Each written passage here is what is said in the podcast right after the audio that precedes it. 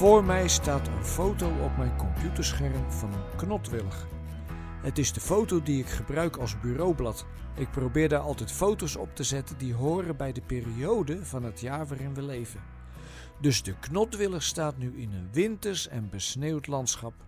Met een schitterend zonnetje erop. Hij staat langs een paadje ongeveer 500 meter van mijn huis. Nu staat de halve Alblasse waard vol met knotwilligen, maar waarom heb ik nu uitgerekend van deze een foto gemaakt? Dat komt omdat hij heel schuin staat.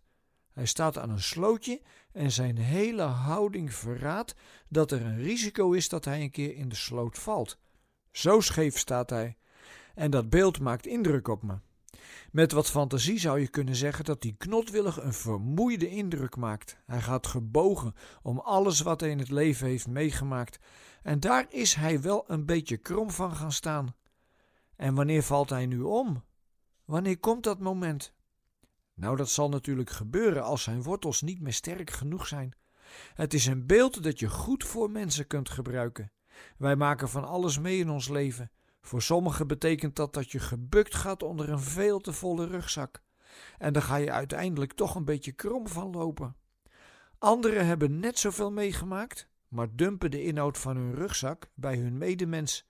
Ze worden verbitterd en zaggerijnig en komen tot de conclusie dat het altijd aan de ander ligt en nooit aan jou.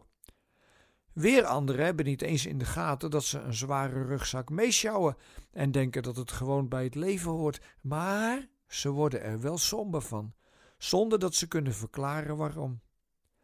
Wanneer breken je wortels, zodat je in de sloot valt? Dat hangt er vanaf of je gelooft dat er iemand is die de wortels in de gaten houdt en ze van tijd tot tijd vasthoudt, zodat met alle gedoe de levenssappen er toch doorheen kunnen stromen.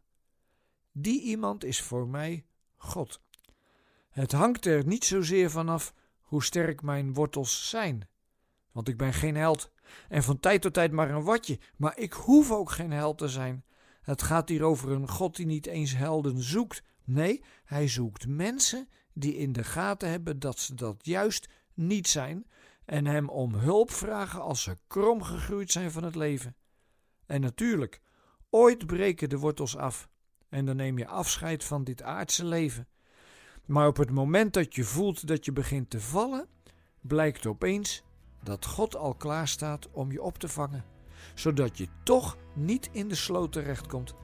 Dat is nu bescherming.